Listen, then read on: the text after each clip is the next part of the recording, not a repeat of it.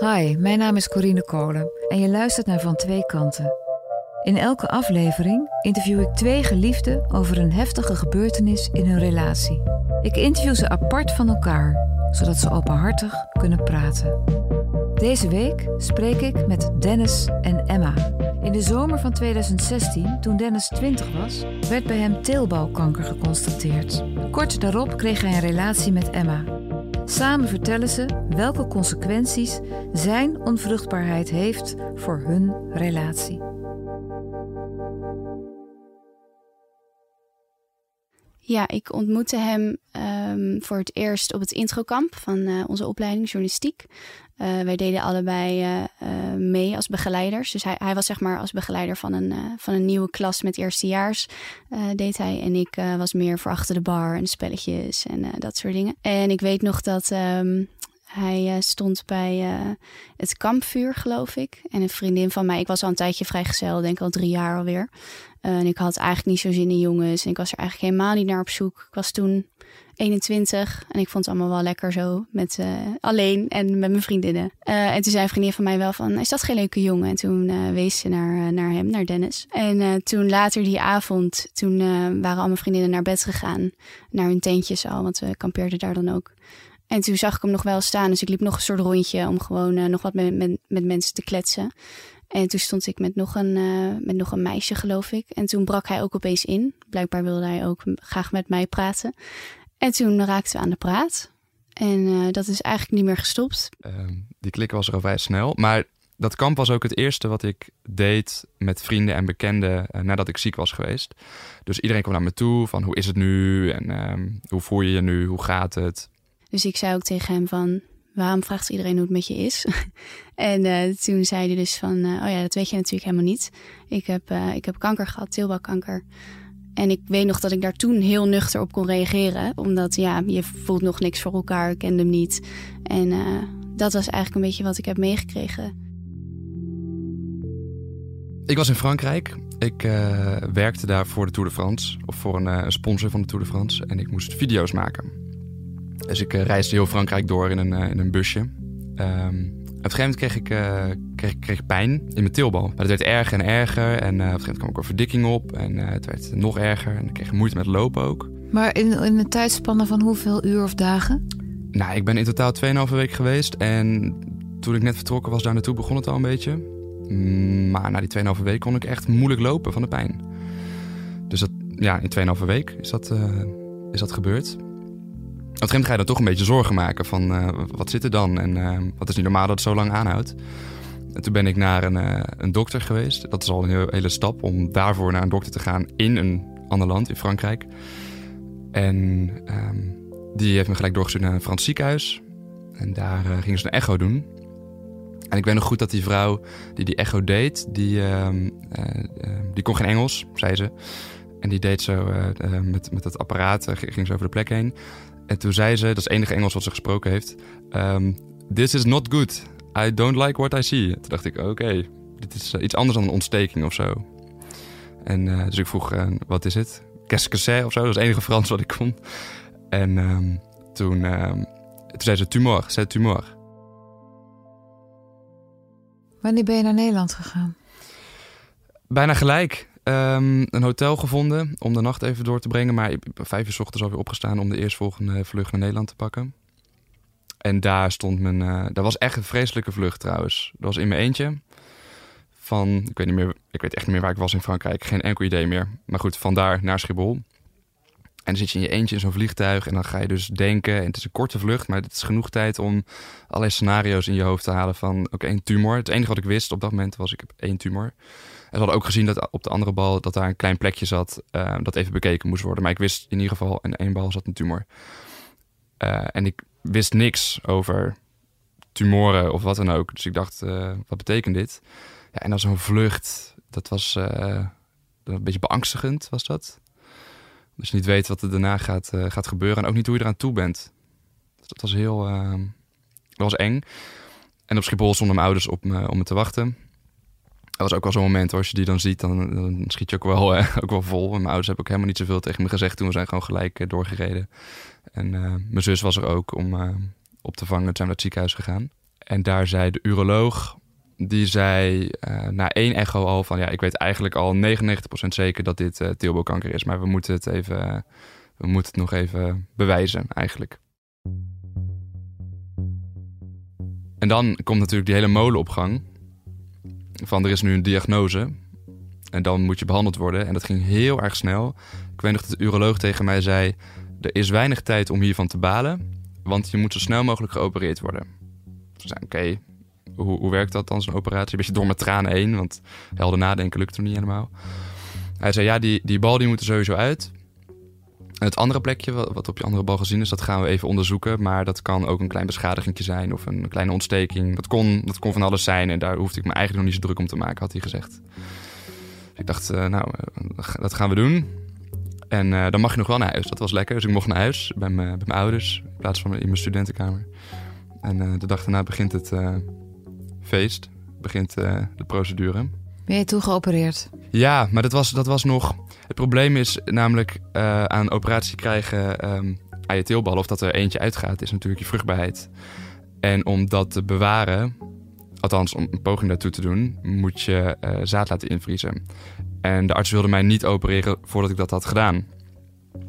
Wat ik begrijp, wat ik ook heel erg fijn vind, vooral achteraf als je erover na kan denken. Uh, dat moest ik dus gaan doen, maar dan moest ik dus van... Dat kon ze niet in dat ziekenhuis doen. Dus werd ik van dat ziekenhuis de dag daarna naar een uh, ander ziekenhuis uh, gestuurd in Arnhem. Bij een fertiliteitsding. Ehm, en dan kom je ook zo'n hokje, zo'n triest hokje. En dan moet je in zo'n potje... Seksblaadjes? Nee. Ja, ja, echt. Ja, dat is allemaal waar wat mensen zeggen daarover. Er liggen daar blaadjes, er hangt een tv, er liggen dvd's. Het is echt heel raar. Als je de deur dicht doet, gaat er zo'n rood lampje branden boven de deur en zo. Het is echt heel moet je ook dus er niet over nadenken. Maar dat was dus ook een beetje het probleem. Um, dat, dat lukte mij helemaal niet op dat moment. Ik was helemaal verslagen van ik ben ziek en uh, ik kon het nog niet bevatten. En dan kom je in zo'n raar hokje met blaadjes en zo. Dus dat lukte niet. En dat was echt, dat vond ik echt op dat moment een van de grootste tegenslagen. Want ik moest dus verwerken dat ik ziek was of zo. Ik had nog geen idee van, of geen, geen besef echt. Dus ik was ziek. En het was essentieel, zeiden ze, dat ik uh, zaad liet invriezen. Maar dat lukte de eerste keer niet. Toen dacht ik, wat nu? Kan ik nu geopereerd worden? Eh, of, of, of is mijn vruchtbaarheid nu weg? En, en um, dus dan, ja, dat was het eerste moment dat ik echt dacht... Uh, kut, dacht ik eigenlijk. Uh, wat, wat nu? En toen ben ik vanaf daar weer door... Dus nog een poging twee daar gedaan, dat lukte ook niet. Toen ben ik vanaf daar weer doorverwezen naar het Radboud in Nijmegen. Want daar konden ze de operatie en het invriezen in één ziekenhuis doen. Dus het was al derde ziekenhuis in 48 uur. Nou, een Frans meegerekend. Het vierde ziekenhuis in uh, nou ja, 48, 72 uur, zoiets. En daar um, mocht nog een poging doen. En dat lukte, geloof ik, toen. Of het was de dag erna, dat weet ik niet zeker meer. Maar in ieder geval bij poging 3 uh, in een ander ziekenhuis lukt het om iets in te vriezen. Welke impact heeft het op je dat op het feit op jou dat het je teelbal betreft en niet bijvoorbeeld je darmen of je ja waar, waar kan je je kan overal kanker aan krijgen? Ja, ja jij kan overal kanker krijgen zeker. Ja, bij mijn teelbal dat was uh, gênant. Ik weet niet wat het goede woord is. Het is natuurlijk je praat er niet zo makkelijk over. En toch ook met familie of zo is dat ook een beetje raar, want je moet gaan praten over dat je daar pijn hebt en hoe dat dan, waarom dat dan kan zijn. En daar ben ik wel heel, heel gauw ben ik van die schaamte afgekomen hoor. Maar schaamte was wel echt. Uh, schaamte is denk ik het beste woord. Maar ook dat je je mannelijkheid voelt aangetast? Ja, maar dat kwam later pas. Omdat op het moment zelf moet je alles maar laten gaan en, en moet iedereen maar zijn ding doen eigenlijk aan je, aan je lichaam. Heel veel mensen moesten ook allemaal een echo maken en eraan voelen en weet ik het allemaal. Dat, dus dat laat je redelijk snel los. En later kwam echt wel mannelijkheid um, ter sprake, ja. En zeker omdat de tweede teelbal, de linker teelbal, dat plekje wat ze hadden gezien bleek ook een voorstadium van kanker te zijn. En dat moest in het gesprek wat ik een week later hoorde, uh, uh, het gesprek wat ik een, week later kreeg, bleek dus dat ik geen uitzaaiing had, wat uh, zij een klein wondertje noemde, maar dat de andere teelbal er wel uit moest. En dat werd echt een beetje tussen neus en lippen doorgezegd. En toen dacht ik echt, die andere til, wat, wat betekent dat? En dan ben ik een man zonder ballen, heel stom gezegd. En dat was zo raar, dat besef. Ik had er ook geen seconde rekening mee gehouden dat dat misschien moest gebeuren. Van het moment dat ik hoorde, je tweede teelbal moet eruit, dacht ik, geen vrouw wil me nu, zeg maar. En dat betekent dus ook dat ik vanaf dat moment definitief onvruchtbaar ben op de natuurlijke manier. Wanneer um, ontdekte je, of nee, je wist toen al dat hij teelbalkanker had gehad? Ja, ik wist toen al dat hij uh, teelbalkanker had. Um, maar zoals ik zei, ik, ik, ik kon daar toen nog echt heel nuchter over nadenken. Van oké, wat fijn dat het nu goed gaat en dat je hier mee kan doen aan het kamp. Na twee weken eigenlijk al vond ik ook gelijk. Ik denk dat ik dat dus ook gelijk heel aantrekkelijk vond. Omdat, je, omdat hij zo sterk daarin stond. Dat je na twee weken na je laatste operatie met zoiets heftigs gewoon denkt: ik ga weer de gezelligheid opzoeken en de mensen en gewoon mijn ding doen. Je zou namelijk echt niet zeggen dat hij net nog ziek was geweest. Um, in het begin wist ik ook nog niet trouwens dat hij onvruchtbaar was. Want hij vertelde eerst uh, aan mij het verhaal dat er één um, teelbal verwijderd was. Dat deed hij eigenlijk bijna naar iedereen, behalve aan zijn directe omgeving. En dat heb ik, ja, dat is een beetje een split-second beslissing geweest toen, die ik nog steeds aanhoud. Omdat ik er niet zoveel zin in heb dat mensen daarover praten. En dat is misschien ook een beetje dat mannelijkheid. Ik vind het gewoon niet een leuk idee dat dat uh, rondzinkt. En één bal eruit en denkt, dat is nog eens, daar kun je nog een grapje van maken. Van, ah, mis een bal, uh, cool. um, twee niet, want dat is wel echt, uh, ik heb geen ballen, punt. Dat, ik, ik weet niet, dat vind ik gewoon lastig. Het is heel raar, maar in, ik heb ontdekt dat in de taal uh, het woord bal of ballen, en vooral uh, rondom mannelijkheid, wordt heel vaak gebruikt. Als, als man, als je echt een man bent, weet je wel, dan, dan heb je ballen. Dan moet je even ballen tonen. Als je ergens doorheen moet bijten, dan, dan laat je je ballen zien, om het even zo te zeggen. En ik dacht alleen maar, maar dat kan ik niet. Want, want die heb ik niet. En dat klinkt heel um, oppervlakkig, maar dat was echt even, dat is echt wat ik vaak gedacht heb ben, ben, ik, ben ik een man? Want, want dan, dan heb je ballen. En dan maak ik testosteron aan. En ik maak nu geen natuurlijke testosteron meer aan. Nooit meer. Dus dat moet ik met medicijnen erbij nemen. Dus uh, ik voelde me een beetje gekrenkt. Een beetje... Um, ja, verdrietig, minderwaardig bijna. Maar dat heeft niet zo lang geduurd hoor. Dat is wel een hele extreme emotie. Dat was gewoon de, de gewenningsperiode. Om het even zo te noemen. De eerste maanden dat ik uh, me zo voelde. Ik heb het ook wel eens... Ja, misschien is het te, te, grafisch hoor. Maar ik heb wel eens vergeleken met een, een, een leeg mandarijnennetje. wat, je, wat, je, wat je hebt als, uh, als je dat vasthoudt. En het, ja, ik weet niet, ik vond het gewoon echt, uh, ik vond het ook afzichtelijk of zo. Ik dacht, ik ben nou, dat is toch niet, dat wil je toch niet, dacht ik. En ook in mijn achterhoofd met het idee, ik wil ooit nog een vriendin ontmoeten. Destijds dacht ik dat, ik wil ooit nog een vriendin ontmoeten.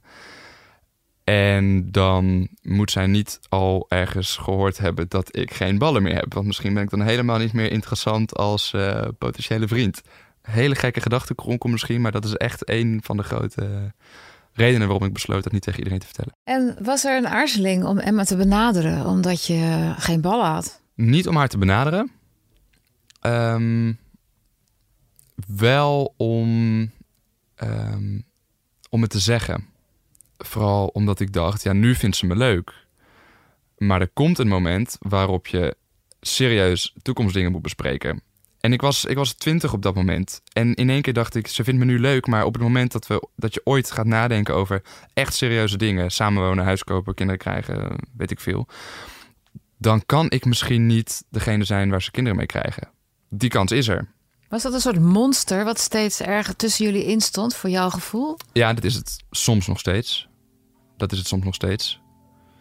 Het, het feit dat ik op de natuurlijke manier onvruchtbaar ben, is als een soort, ja, ik noem het wel als een zwart gat uh, in de toekomst. Je weet, dat het, je weet dat het aankomt, maar je weet niet hoe het gaat aflopen.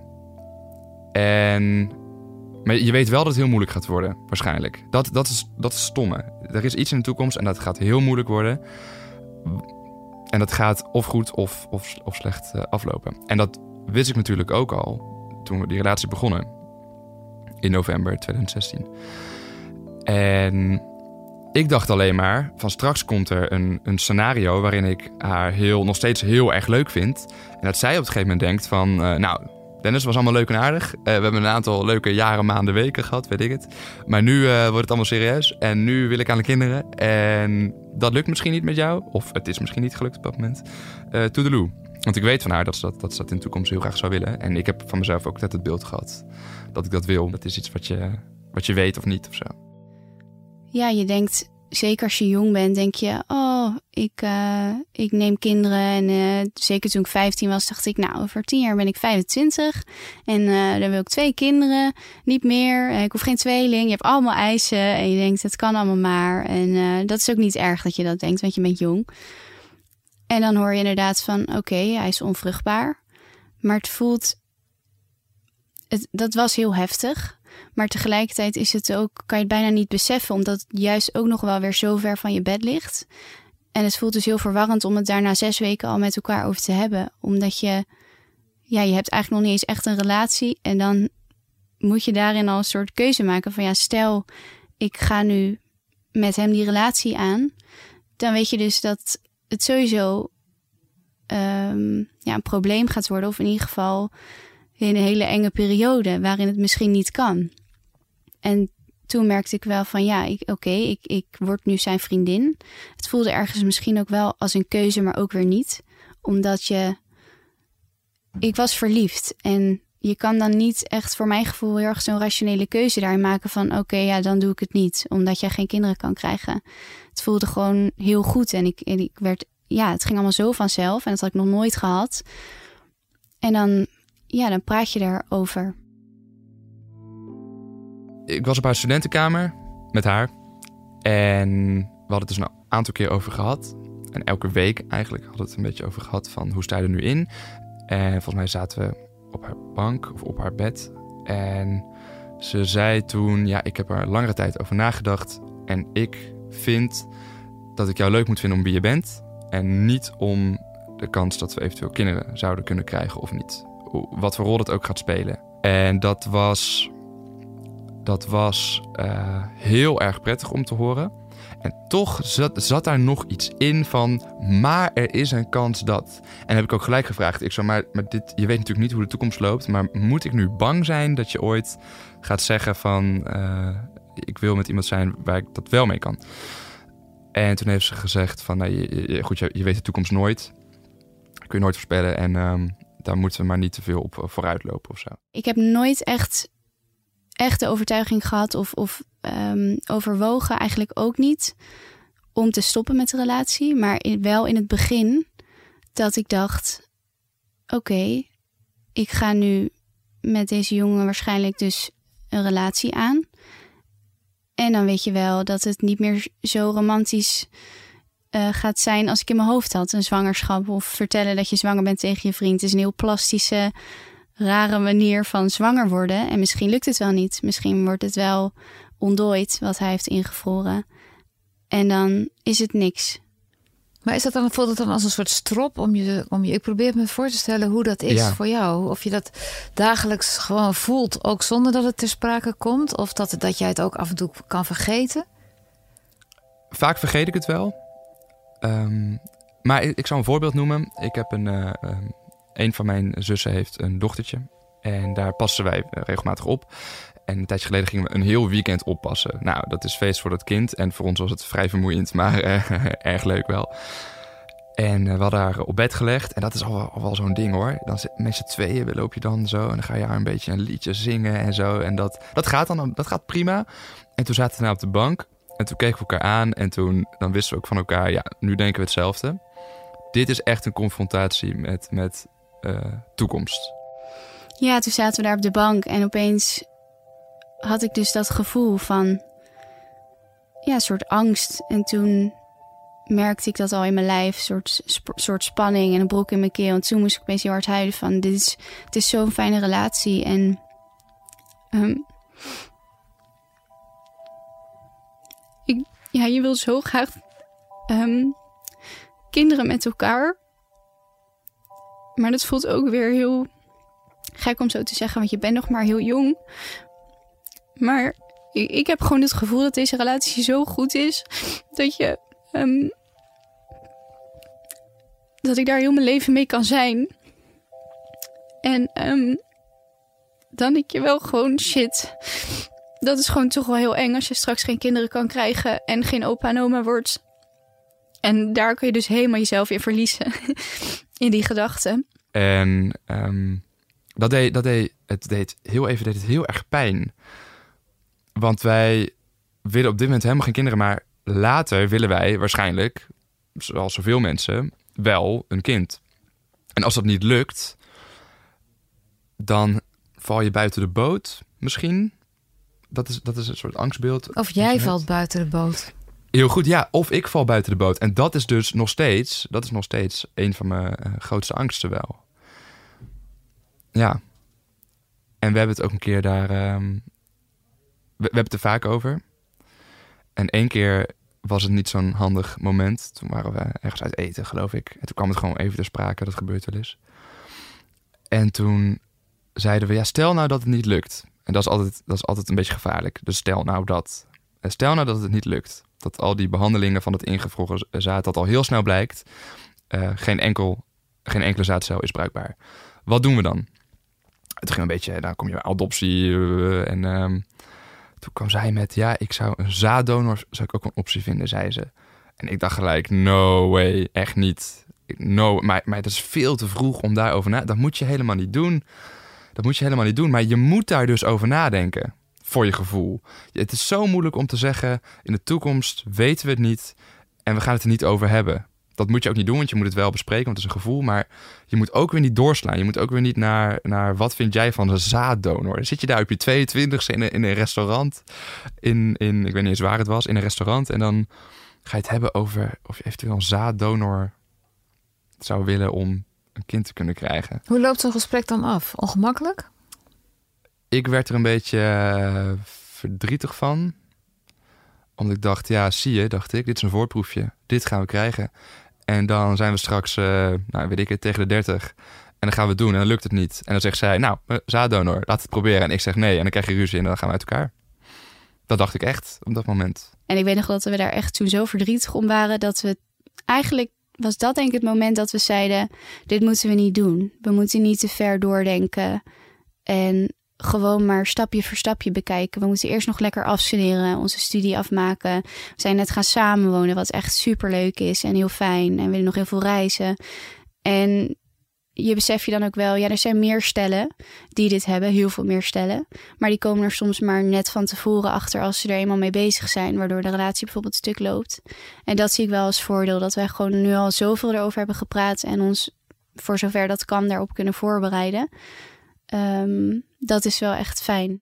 Hoe belangrijk is het eigenlijk om een kind van jezelf te hebben? Ja, dat is een hele goede vraag. Ik heb ook heel veel nagedacht. Hoe belangrijk is het om een kind te hebben? En dat is dus stom, want dan kom je op een punt waarop je over dingen na gaat denken die anders zijn dan je leeftijdsgenoten. Wij zijn heel erg bezig met wat wil je eigenlijk in het leven? En iedereen komt op zo'n punt dat je daarover nadenkt, maar de meesten hebben dat gewoon niet op hun twintigste. En als het niet gaat lukken, wat betekent dat dan voor jullie relatie? Ja, dat, daar was ik in het begin heel bang voor. Dat het. Uh, was ik daar heel veel mee bezig en over aan het nadenken. Van stel dat het niet lukt. Wat betekent dat dan voor onze relatie? Maar ik heb er nu eigenlijk steeds meer vertrouwen in. Ik merk dat de relatie steeds beter wordt en steeds sterker wordt. En ik nu echt het gevoel heb, je weet maar nooit, maar ik heb nu echt het gevoel dat het echt goed komt en dat we er samen wel uitkomen. Je bedoelt desnoods zonder kinderen?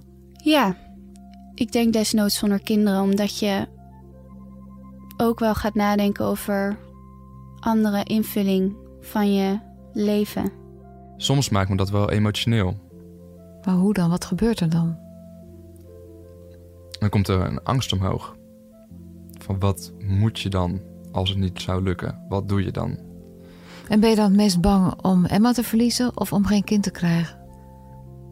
Ik denk eerlijk gezegd, op dit moment dan, is denk ik de angst groter om Emma te verliezen. Dat denk ik wel, ja. Ja. Ook omdat ik nu een beetje die, uh, de grootste angstfase voor wat als je geen, kinder, eh, geen kind kan krijgen, wat doe je met je leven? Die verdwijnt een beetje naar de achtergrond nu. En die komt echt wel weer terug op het moment dat het zover zou zijn. En omdat ik steeds meer inzie dat het helemaal niet hoeft, ook kinderen. Maar wat als de relatie daar dan aan onderdoor zou gaan? Zou je kunnen zeggen dat het vertrouwen weliswaar groeit, maar de angst desondanks blijft? De angst blijft, ja, de angst blijft voor mij. En die is op sommige momenten groter dan de andere. Maar die gaat nooit weg? Die gaat nooit weg. Op dit moment is hij, is hij wat meer uh, weggezakt. Maar op het moment dat wij dichter bij zo'n traject komen, zo'n vruchtbaarheidstraject, dan denk ik wel ehm, dat die angst groeit. Ik denk dat, uh, ja, ik denk dat we allebei angstig worden. Maar ik heb toch altijd wel de indruk dat ik dan angstiger zal zijn. Omdat het toch een beetje voelt alsof zij een keuze kan maken dan. En ik niet, uiteindelijk. Want uiteindelijk uh, ligt het medische probleem ligt gewoon bij mij. Ja, daar ben ik wel bang voor. Ik, ik, dat schiet denk ik soms wel door mijn hoofd, ja. Dat je denkt, um, wat als het niet lukt? En wat betekent dat dan voor onze relatie? En dan denk je soms wel eens per ongeluk van... Ja, shit, maar ik zou echt graag kinderen willen. En stel, dat kan niet. Wat zou ik dan op dat moment doen? En dat is wel eens eng, ja. Ja.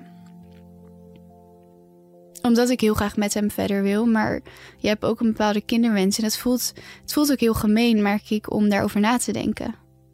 Hoe bepalend is dit, dit uh, allemaal voor jullie, uh, hoe jullie zijn als stel? Al heel vroeg moesten wij praten over zwangerschap. En als je, of zwangerschap, een mogelijke zwangerschap. En als je twintig bent en je studeert en je zit in het studentenleven en je moet daarover praten, of over het feit dat je geen ballen meer hebt, dan,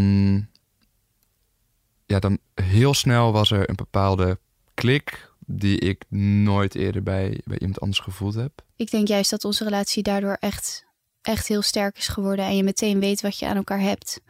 En je meteen over allerlei moeilijke onderwerpen kan praten, zoals de dood en onvruchtbaarheid. Ja, ik denk juist dat dat heel sterk heeft gemaakt. En dat is ook de reden waarom we nu lekker gaan samenwonen. Terwijl je eigenlijk nog jong bent, maar ik dacht, ja, we kunnen zo goed over al die moeilijke dingen praten. En, en we hebben nooit ruzie. Het is altijd alleen maar leuk en, en fijn. Dus dat kunnen we ook echt wel aan. Ik heb heel veel behoefte gehad, en nog steeds, om te delen wat mij dwars zit over dat ik ziek ben geweest.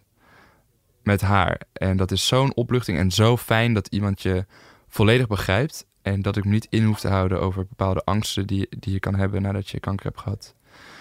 Of überhaupt in te houden over, wat je, over hoe je je voelt. Ik vind het heel belangrijk om iemand te hebben die uh, voor je gevoel volledig vertrouwt. En waar je je helemaal kan geven.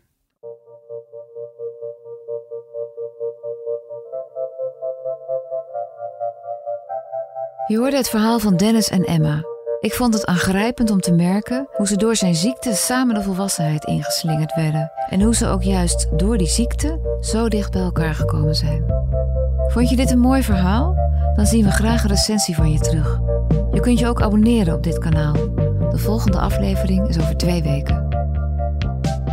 Hebben jij en je partner ook een bijzonder verhaal te vertellen? Mail dan naar lust.volkskrant.nl je kunt je verhaal anoniem vertellen. Lust.volkskrant.nl Ik kijk uit naar jullie verhalen. Mijn naam is Corine Kolen. Ik maak deze podcast met Lisette Spiegeler. Eindredactie is van Corinne van Duin. Bedankt voor het luisteren.